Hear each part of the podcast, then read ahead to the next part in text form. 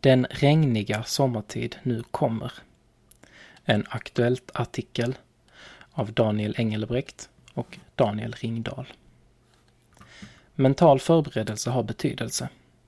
Det är känt från många olika situationer i livet. Rätt tankar gör skillnad. Har jag som kristen några bra mentala resurser som kan påverka min sommar?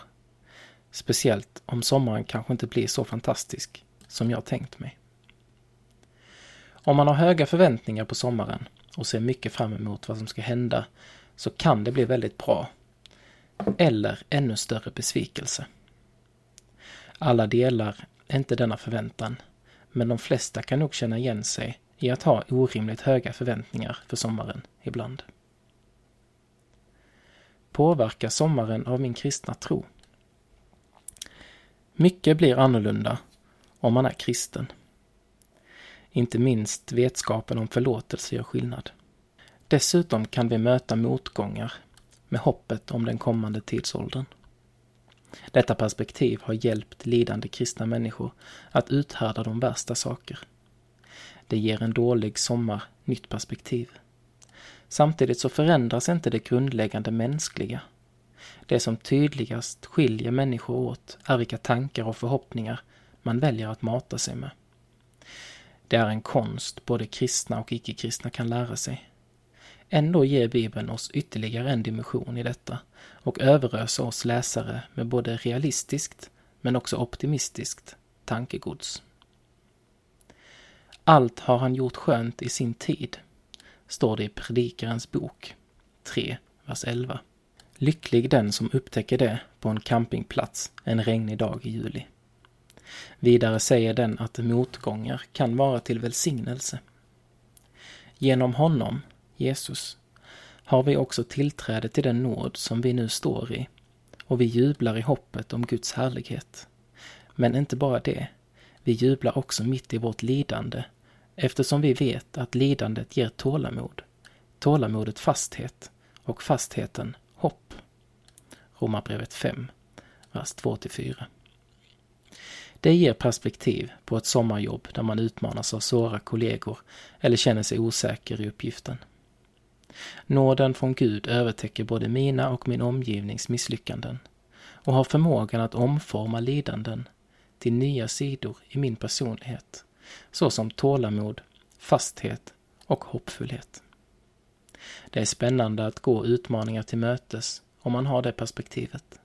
Orden från Jesaja 43.4 Eftersom du är dyrbar i mina ögon, högt aktad och älskad av mig, hjälper oss att se vårt sanna värde i en värld där vi hysteriskt försöker vinna uppmärksamhet med snyggast kropp och brunast solbränna.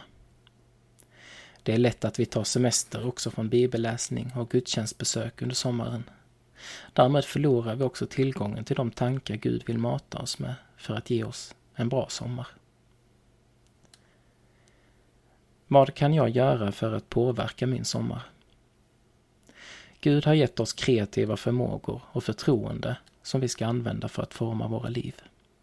Sommaren innebär många veckor där vi kan välja betydligt mer än i vardagen. Det ger utrymme till att upptäcka nya sidor av vår kreativa förmåga och möjlighet att forma vårt liv. Gud ger oss modellen av att arbeta och skapa sex dagar och vila under en dag. När Jesus skulle kunnat vara huvudperson på en fest väljer han att bli tjänare och tvätta lärjungarnas fötter. Han visar att lycka vinns genom att tjäna andra och att vila bara finns om det kombineras med arbete. Det är en bra modell för sommaren.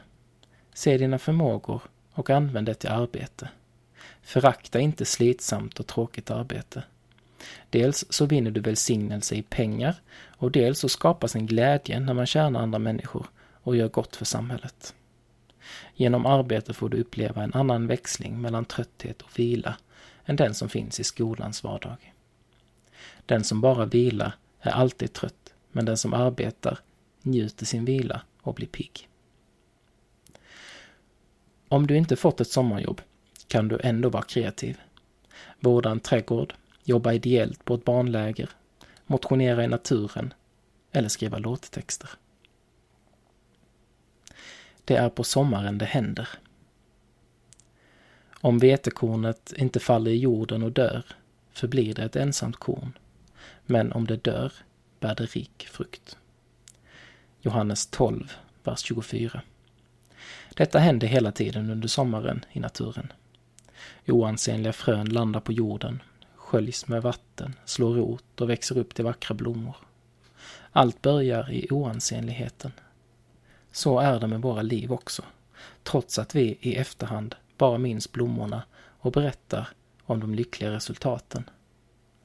Om man hoppar över det nakna fröstadiet blir det ingen blomma. Den som vågar möta sommarens relations och jobbutmaningar och gör det i bön och förhoppning till Gud kommer få se blomningen.